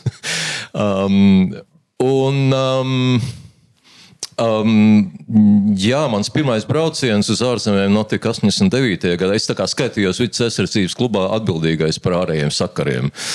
Uh, tad uh, viņi mūs tur uzaicināja no Lietuvas, no Igaunijas. Uh, ah, un vēl um, mums bija kontakti ar kaut kādiem cilvēkiem no Maskavas tajā laikā. Um, tas ir vēl viena interesanta lieta, ka tajā pašā atmodas sākumā uh, vēl nebija šī uh, nodalīšanās starp latviešiem un krieviem. Um, nāca pie mums uz klubu arī krievi, uh, un, uh, un uh, varbūt viņi nebija ļoti daudz, bet, bet viņi bija. Bija tur tāda grupiņa, diezgan aktīvi. Un tad uh, pie mums savukārt arī brauca kaut kāda lektora no Maskavas speciāli pie mums, lai mūs izglītotu teikt, par uh, padomju uh, šīs sistēmas. Dziļākajām saknēm un, un kā pret viņu efektīvāk cīnīties. Bija tāda, tādas graujošās visādas lekcijas universitātē, pēc tam tas notika. Um, ar citām republikām gan neatceros, ar Ukraiņiem ne, te, nu, tālāk jau vairs, vairs nebija. Bet um, kaut kādā tādā. Uh, geogrāfiski tādā tuvākā lokā ap, ap Latviju jā, bija. Mēs pat veidojām ārvalstīs savas nodaļas. Zviedrijā bija vidus aizsardzības kluba nodaļa, bija Amerikā, Kanādā, Austrālijā. Pat, nu, visur, tur, kur bija latvieši kaut kādas kopienas, tur viņi izveidoja arī tādas vietējās atbalsta nodaļas, caur kuru arī vai, nu, mums piesūtīja informāciju, vai viņi vāca līdzekļus un, un, un sūtīja mums pirmo faksu aparātu vai kop, kopējamo mašīnu un tādas lietas. Mm, Bet tā kā ar Igauniem tur bija pat mums kaut kādas saskaņotas darbības arī. Piemēram, pirmā tāda lielā startautiskā akcija, ko Vides aizsardzības klubs veica 88. gada septembrī, bija tā saucamā lūkšana pie jūras. Kad ideja bija vēl pirms Baltijas ceļa, vienkārši sadoties rokās apkārt Baltijas jūrai. Un tad tur iesaistījās gan lietuvieši, gan arī igauņi pārķēri to. Nu, protams, ka tā nebija nepārtraukta ķēde, bet nu, tur visās šīs vietās ap Baltijas jūru, uh, nu, pie mums jau īpaši, bet arī Zviedrijā, arī Somijā bija cilvēki, kas piedalījās šajā akcijā. Jā. Patiesībā sakot, tas ir ļoti interesants jautājums no pagātnes viedokļa, bet man ir jautājums vidas aizsardzības organizācijām un cilvēkiem, kas ar to nodarbojas šodien. Nu, kādēļ nenotiek koordinēta darbība starp Igauniju un Lietuvu, kur likumdošanās notiek vienādi procesi? Un reāli mēs vienkārši nezinām. Un es atceros, pirms gadiem, sešiem vienā tīklošanās pasākumā kaut kur Anglijā es runāju ar kolēģiem no Lietuvas un Igaunijas, un viņi saka, jā, bet mums tas meža ciršanas likumā tiek grozījumi. Un, un, un Igauniem tas pats, un Lietuviešiem tas pats vārds vārdā, jā, un Latviešiem tas pats vārds vārdā. Un mēs vienkārši, ko darām? Nu, neko nedarām. Jā. Nu, man ir komentārs eh, Fridays for Future līmenī. Mēs sadarbojamies gan ar lietuviešiem, gan ar igauniem. Mēs sūtījām vēstules Eiropas parlamentu mūsu deputātiem tieši par uh, koku skaidu granulu izmantošanu. Un, um, tā kā, nav tā, ka mēs pilnīgi neko nedarām. Bet vienlaicīgi tajās protestu vai tajās sabiedrības iesaistas akcijās, ja, man, man pēc tam vēl ilgu laiku nāca no Igauni, no Tartu uh, vidas aktīvistiem, kas tieši cīnās par mežiem, informācija par to, ko viņi Tartu apkaimē dara, kādas protesta akcijas uh, rīko, viņi man tā kā vaicāja, vai es gribētu kaut ko tādu rīkot Latvijā, bet es neesmu nevienā vienā vidas aizsardzības organizācijā. Un tajā brīdī sākt organizēt kaut kādas, nu, jā, nu, un tur man likās, ka tas resurs no vidas aizsardzības organizācijām būtu baigi svarīgi piesaistāms. Bet... Jā, mežu, mežu jautājumā, Krista, ir šādas, mums ir kopīgas uh, rīcības ar Igauniju, bet to droši vien es pastāstīšu kaut kad atsevišķi. Vai ir vēl kāds jautājums? Uh... Es Es atvainojos, vienkārši izmantoju, kad rokā jau man bija nonācis mikrofons, un es nevarēju noturēties nekomentējot un arī neuzdodot jautājumu, jo mans vārds vairāk kārt tika pieminēts no runātāja puses. Un, jā, nu, man bija tā, tā laime būt gan vides aizsardzības kluba aktivitātēs, piedalīties tādā ļoti agrā jaunībā, un arī tagad es diezgan bieži uh, piedalos dažādās tādās, ieņem kaut kādas tādas ļoti aktīvu pozīciju, cīnoties par dažādu, dažādiem jautājumiem šodien. Un vērojot, salīdzinot šīs divas pieredzes, man nu, varbūt tas tāds jaunības maksimālisms un romantisms, man liekas, ka toreiz kaut kā visas šīs aktivitātes, notika kaut kā tā spontāni un īsti neviens arī nezināja tos noteikumus vai kaut kādus tos spēles elementus, kam tad būtu jānotiek tālāk. Neviens īsti nesaprata, kur mēs virzamies. Arī tie varas pārstāvji bija pārsteigti par to, kas notiek, un arī īsti, manuprāt, nezināja, kā rīkoties. Tāpēc varbūt viss arī tik veiksmīgi notika. Šobrīd tas, ko jau izskanēja jau Kristus komentāros, šobrīd izējot uz skatuves kaut kādu aktīvismu akciju, ir skaidrs, ka tai jābūt daļai no kaut kāda lielāka plāna. Tu nekad nevari tā vienīgi, vienkārši spontāni kaut ko paveikt un cerēt, ka no tā būs kaut kāds rezultāts. Nu, piemēram, šis pats glezno gadījums.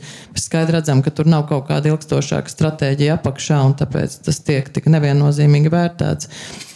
Bet es gribēju pajautāt Valdim, kā tev liekas toreiz, nu, tā, tā, tā kā vairāk pārvēršot to manu komentāru jautājumā, Vai tev liekas, ka e, bija kādi cilvēki no tā mūsu vidus, vairāk no tavas vidus, varbūt no vēl vecākas paudzes, kuriem bija skaidrs plāns un kuriem bija skaidra stratēģija, kāpēc e, tiek veiktas šāda veida aktivitātes vai kaut kādas mākslinieciskas akcijas? Un kuri saprata, kā, kas būs nākamais solis un kā mēs virzamies, vai tiešām tur bija ļoti daudz šīs spontanitātes, kura, tā kā tu teici, kā akmens no kalna vienkārši vēlās, un te nu mēs esam. Um, Zini, nu, vistuvāk tam varbūt bija viens cilvēks, ja tu atceries tādu valdi Turinu. Nu, lūk, man liekas, viņš bija tas lielais strateģiskais domātājs, kurš mēģināja, kuram bija sava vīzija par to, kā vajadzētu procesiem attīstīties. Kurš mēģināja arī kaut ko tajā virzienā darīt, bet, bet nu, tas, viņš bija tāds radikālais spārns, un cilvēki vienkārši nebija gatavi uz tik lielu radikālismu. Un, Nu, tas bija saistībā, tas viņa radikālisms saistījās vispār ar visas, visa šī okupācijas man, mantojuma demontāžu, ieskaitot visas lustrācijas un, un partijas un Latvijas tautas fronta arī viņam likās komunistu, tā teikt, kūrēta un čekistu kūrēta organizācija, viņš dibināja pats savu neformālo tautas fronti. Un, un tādā ziņā. Bet, nu, redz, nu, tā kā mm, vēsture iegrozījās citādi. Bet nav tā, ka uh, kopumā uh, visi uh, apzināti vai uh, mazāk apzināti uh, tomēr gāja uz to nacionālās neatkarības uh, virzienā. Un tas bija pirmkārt tā, tas bija jautājums par nacionālo identitāti, un pēc tam par uh, valsts neatkarību. Uh, un, ja pat sākumā par to nerunājam, tad mēs, nu, stāsts bija par Latviju, par to, kā mēs uh, veidojam šobrīd maziem solīšiem, bet mēs veidojam savu valsti. Un uh, šobrīd nu, latvieši ir gan tie, kas tos kokus aizstāv, gan tie, kas viņus cērti. Ja? Un, un, un, uh, tur nav kaut kādas uh, apakšā kopumā idejas par to vērtību, nu, kas tad ir valsts šobrīd un kādā valstī mēs gribam dzīvot, par ko mēs arī gribētu visi nu, atkal stāties un cīnīties. Tas ir tā tāds valstiskās vīzijas trūkums. Es domāju, ka, jā, ka tas ir valstiskās vīzijas trūkums un uh, nu, uh, savas uh, vietas, sa, savas jā, nu, darbības jēgas apzināšanās tieši tajā valstiskās nākotnes uh, kontekstā. Es varētu varbūt mazliet piebilst. Um, par to, jo ir daudz dzirdēta arī kritika par to 80. gadu, ka tas ir tas uh, ekonacionālisms. Bet, um, kā es lasīju viena politologa Neatceros tagad viņa tiešām vārdu, ko viņš saka, ka tas nacionālisms, it sevišķi tajā laikā, tā kā tu saki, tika veidot tā valsts, ka tas nav tik viennozīmīgs jautājums, kā mēs to, to redzam šodien, un ka tādā pašā laikā tas nacionālisms deva to piederības sajūtu un to atbalstu kopienai, un ka tas arī bija tāds saliedējošais moments. Es vēl varu piebilst komentāru Jo es vadu folkloras kopu, kas tajā 80. gados tieši izveidojās 80. gadā, folkloras kopu savieši. Un tad, eh, jā, savieši. jā, un tad uh, dalībnieces arī dalījās ar to, ka viņām arī bija svarīgs tas nacionālā tā pašapzināšanās, izzināšana un uh, viss tas saistībā ar. Uh, uh, to, ka nepazaudē to, jo es saprotu, ka viņām bija tā sajūta, ka varētu pazust vispār latvietība kā tāda tajā brīdī, tajos 80. gados, no ja neko nedarīs.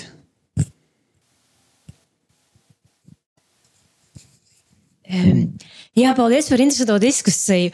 Man ir jautājums ne tikai paneļa diskusijas dalībniekiem, bet arī visiem pārējiem, kuram, kuram, kuram būtu kaut ko par šo ko minēt. Mums tā divi lielumi.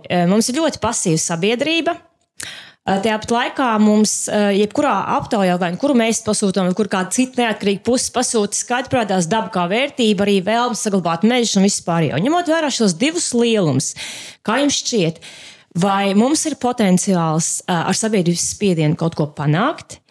Ja jā, tad jūsuprāt, Kas būtu jāmaina vidas aktīvismā Latvijā, kur kaut kas kur trūkst un kur būtu jāstrādā savādāk, citādāk? Respektīvi, tad, tad, vai mums ir potenciāls kaut ko panākt, un, ja jā, tad kādā veidā mums būtu jāstrādā, jā, jāvirza savu aktivitāti nākotnē, turpmāk? Nu, es teiktu, ka mums sabiedrība pati dalās tajā, meža īpašnieki dalās tajos, kuri vēlas kaut ko saglabāt, un tie, kuri vēlas kaut ko, um, kā saka, iegūt savam maciņam. Tāpēc, kad uh, ir, uh, protams, dzirdēts arī par to, ka ak, šausmas uzliks dabas liegums, un tad neko nevarēs darīt. Ak, šausmas, ak, šausmas. Un līdz ar to sabiedrība ir pati, nu, cilvēks pats par sevi. No vienas puses, varbūt tam pašam, kurš kā, grib kaut ko nopelnīt savam aciņam, uh, vēlas arī to dabu saglabāt, bet viņam nav tā iz.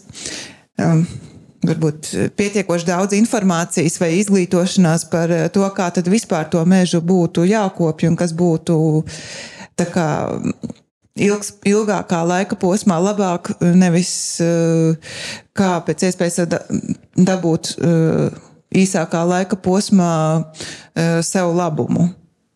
No, nu, kā, tur ir, ja mēs vairāk izglītotu sabiedrību, iespējams, tas arī vairāk veicinātu to izpratni par dabas saglabāšanu, kas būtu, nu, kas ir tā dabas saglabāšana īsti. Tad, tad nav, nu, ja tu vēlēsies saglabāt šo dabu, tad tev ir arī jārēķinās, ka mums ir saka, jāuzņemās atbildība par tiem dabas, dabas vietām. Respektīvi, mums ir nevis tikai iespējas un vērtības, bet mums ir arī pienākumi.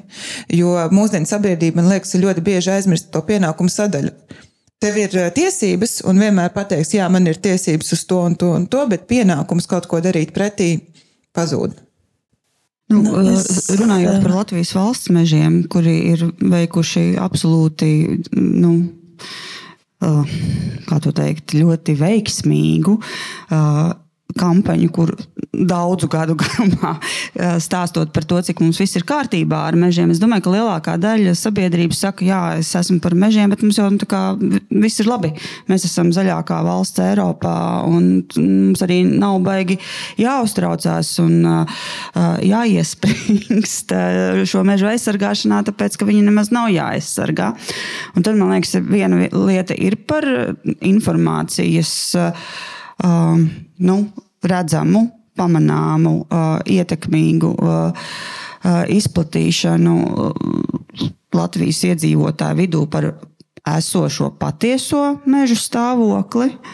Un, un, un šeit man liekas, ir ļoti svarīgi.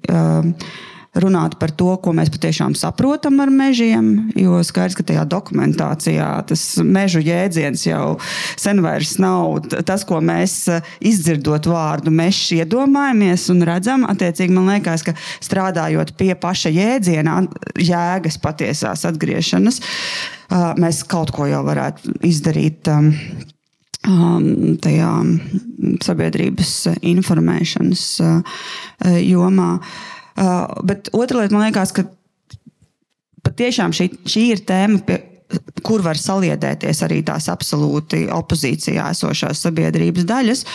Un to mēs varējām redzēt uh, pirms daudziem gadiem notikušajā Pērnavas koku aizsardzības akcijā, kur pirmkārt uh, cilvēki nezināja, ka šie koki tiks izcirsti. Tad pirmais bija jāveido šī akcija tāpēc, lai uh, Pērnavas ielas iedzīvotāji un apkaimē iedzīvotāji uzzinātu par šo te, nu, plānoto koku nociršanu. Otrkārt, mēs redzējām, ka tas patiešām ir uzrunājis, licis uh, iesaistīties gan latviešiem, gan krieviski runājošiem cilvēkiem. Treškārt, tur notika kaut kāda savstarpēja pašorganizēšanās, kur pietika vienkārši divas reizes piedāvāt akcijas, lai pēc tam šīs apgājumas sāktu. Uh, aktīvi nu, pastāvēt par savām tiesībām, rakstīt vēstules, iet, iet un runāt. Un skaidrs, ka ne jau šo akciju vai apgājumu darbības rezultātā pērnavas kokas nenocirta, bet manuprāt, tas, ka šī tēma izskanēja publiski, ka cilvēki zināja, tas tomēr bija viens no iemesliem, kādēļ koki joprojām stāv. Un, uh, man liekas, ka tieši tāpatās varētu būt arī ar mežu jautājumu. Kā ap mežiem mēs varētu saliedēties, ja mēs patiešām saprastu to reālo postu apjomu, kāds mūs tagad sagaida. Un, un, jā, un tad būtu jāsāk ar Latvijas valsts mežiem, kuri ir visu mūsu īpašums.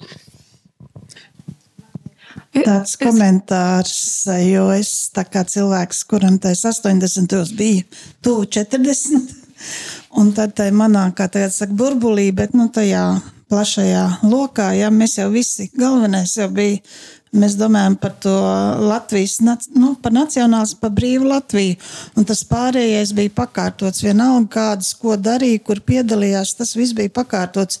Tas neizteiktais vārds bija tā brīvā Latvija. Bet tagad, tagad nu, kad mums tas viss ir, mēs izējām uz to patērēšanu. Un man te, nu, strādājot kā mākslas vēstnesim, ja, man ļoti nākas saskarties ar cilvēkiem, kad viņiem trūks tāda. Nu, tad mēs runājam par būtībā par sadalījumu, par sīkumiem visādiem, ja? bet trūkst kaut kāda liela, plaša tāda redzējuma, kaut kāda iespaidīga mākslas darba, kas, teiksim, uzrunāti, ja par ko tad, kad tad tiešām mums tā par to klimatu ir jādomā šoreiz vairs ne par nacionālismu, bet ka mums jādomā par visu pa visu planētu. Tagad, nu, pašreizējā kara iespējā mums jādomā arī par vērtībām. Un tādu visaptverošu mākslas darbu, man liekas, nav visaptveroša tāda viedokļa. Tāda, kas emocionāli, kas tiešām visus uzrunā, nu nav tāda, man liekas. To es jūtu sarunās ar uh, izstādes apmeklētājiem. Un man liekas, tas ir tas, kas ir vajadzīgs. Bet to jau tā uz pasūtījumu laikam nevar dabūt. Un ņemot vērā arī to, ka, piemēram, ja padomā tā, nu, mākslē nāk nauda no. Tur no akcijas cigaretēm, no akcijas alkoholam, no akcijas azartspēlēm, no tādām nesmukām lietām māksla tiek sponsorēta. Nu, tas arī kaut kā labi visu to neietekmē. Kaut kā mums tā sistēma tā, nu nezinu kā, bet nav labi. Es, es gribēju, man jau tā kādu brītiņu karājas galvā doma, nu, ka ir tās tēmas, kuras, nu, tie paši meži, protams, ir, ir svarīgi. Žēl, ka, ka viss tiek mērīts naudā. Un ka nav, nav tās sajūtas par vērtību, kas, kas ir cita veida netvaramā vērtībā. Bet um, nu, ir lietas, kuras mēs grūti ietekmēt. Mēs viņas, tās akcijas, tas viss ir forši, šķirot atkritumus, sargāt mežus un tā, bet man, man uh, liekas ļoti, ļoti superīga vienkārši lieta, ko cilvēki var neatkarīgi no visi, visām tā val, valdības lēmumiem un tā, ko paši var darīt, tā ir tiešā pirkšana. Tā ir, tā ir viena, viena lieta, kas, kas reāli atbalsta bioloģisko lauksaimniecību, kas risina problēmu tai saknē pēc būtības un, un tādā netiešā veidā. Un, ka, nu, es, es pat esmu tajā jau gadiem iekšā un, un, un aicinu visus noskaidrot, kas tas īsti ir. Ka, ka tas ir tāds, iespējams, ka arī par mežiem ir arī bijusi tā doma, ka, ka šajā tēmā kaut ko līdzīgu ieviest. Uh, Bet, nu jā, nu, kas ir par lauksaimniecību runājot, tad tā ir, tā ir vienkārši ģeniāla lieta. Jā, tiešā pirkšana ir eh, pircēju grupu kopējs pasūtījums bioloģiskajiem lauksaimniekiem, tādi pulciņi dažādos, dažādās apkaimēs un pilsētās. Un galvenais, tas ir brīvprātīgs, jā. tā, tāda kopienu pasākums. Jā, kas... Aktīvisms, sava veida aktīvisms un arī pārtikas nodrošinājums kopā. Un tas, tas, ats, tas līdzsvaro to. Nu, man personīgi tā, ka tā viena tēma ir tie meži, kuros grūti kaut ko ietekmēt, bet kad tu cīnies, kur tu patērē to enerģiju, un tā tiešā pirkšana atkal ir tā. Nu, Tāda reālā darīšana, nevis, nevis tikai runāšana vai sūdzēšanās, bet reālā darīšana, kur tu vari piedalīties ar vislielāko prieku. Tas rada tādu gandarījumu. Ne tikai tu iegūsi to bioloģisko pārtiku, bet arī gandarījumu Es, es varu um, trīs vārdos nokomentēt uh, ideju par to, ka nav tāda liela vienojoša mākslas darba. Man liekas, ka uh, tam lielajam vienojošajam mākslas darbam vajadzētu būt nacionālās attīstības plānam, kurā tāpat kā tāpat kā Ivāna rakstītajā rakstā, būtu jābūt ekonomiskajai sadaļai, tādai sadaļai, tādai un tādam tam vērtību blokam, kurš gan, kuram gan būtu jānāk pa priekšu. Un, un tad jau, ja mums būtu tāds skaists nacionālās attīstības plāns, kas balstās vērtībā, kas nav tikai ideja par ekonomisko attīstību, tad jau varbūt kaut kas uz priekšu. Tā kā visi lobby, kas šeit varētu ietekmēt valdību valdības darbu. Es teikšu, ka varbūt ka ir tāds plāns uzrakstīts. Viņš ir skaisti uzrakstīts, jo ļoti daudz lietas uzraksta skaisti, bet realitātē nepilda.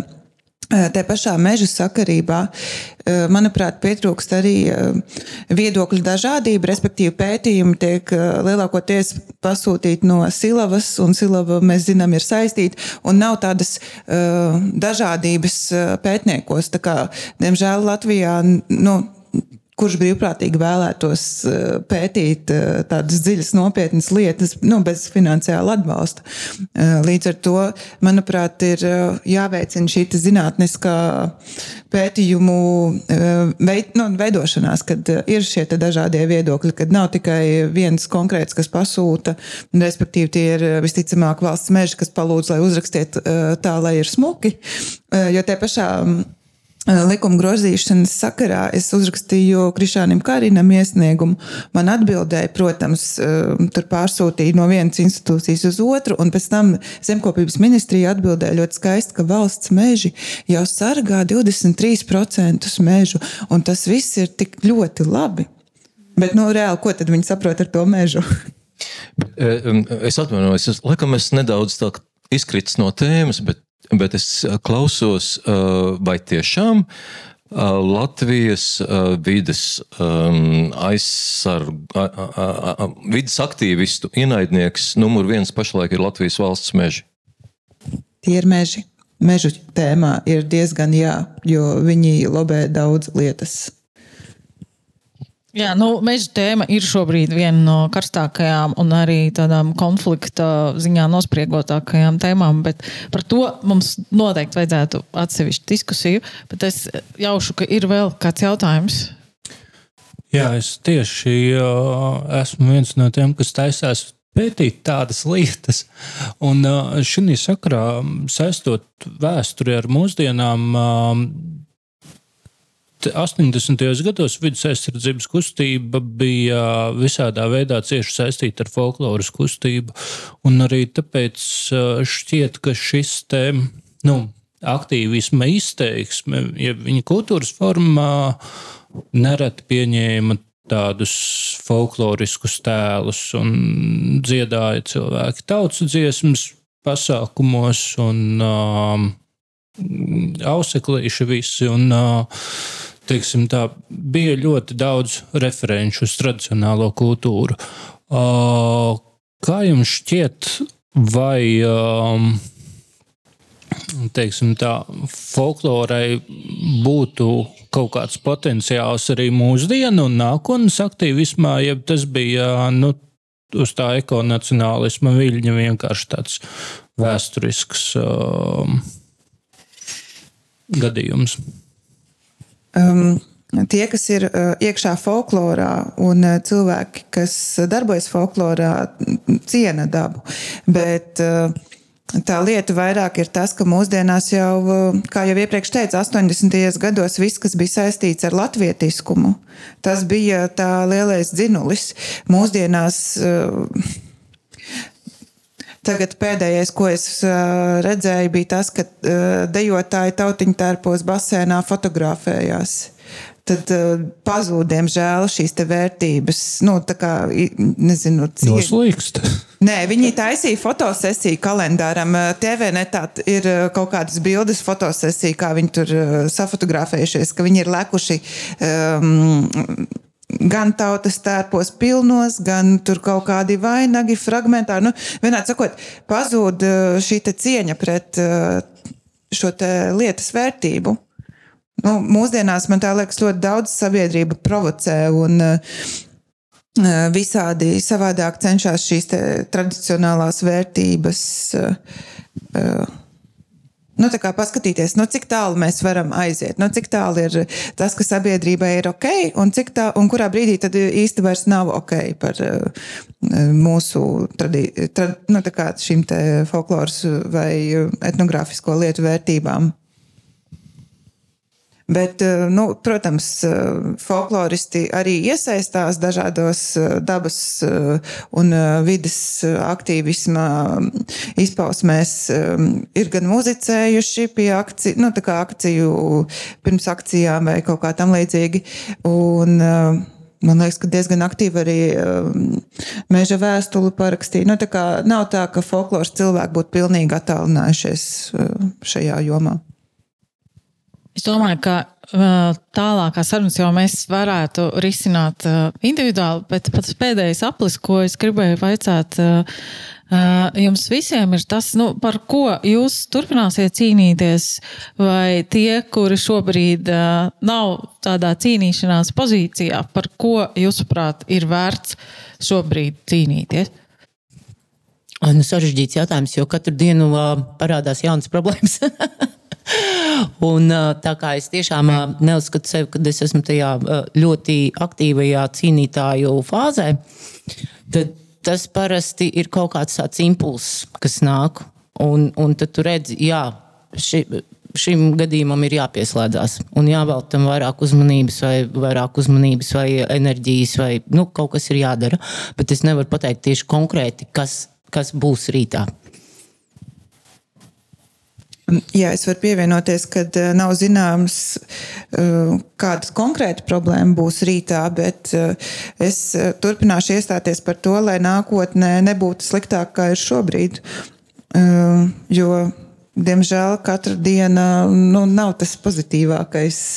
Ja mēs turpinām darīt tieši to pašu, ko mēs esam darījuši līdz šim, un neko nepiedomājot tieši ja mēs pārietu no patērētājiem par eh, domātājiem, tas jau būtu labāk.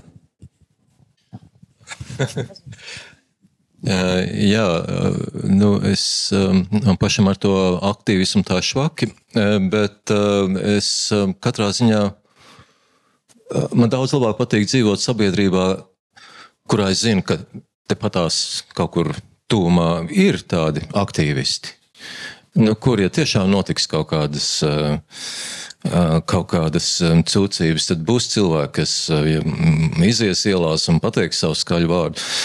Nekā dzīvot tādā sabiedrībā, kur valda pilnīga apātija un, un vienaldzība, un kuriem viss ir viss vienalga. Mm, tā kā mm, es ik pa laikam sekoju līdzi un priecājos, un man tiešām mm, es esmu Man ļoti mm, liels prieks, ka mums ir tāda Krista Burāna, un ir tādi vidus un tiešās pirkšanas un visādi citādi aktīvisti, un es tikai par. Bet nu, tā cīņa, cīņa man droši vien galvenā pašam varbūt ar sevi un kaut kādiem saviem sliktiem ieradumiem un tā tālāk.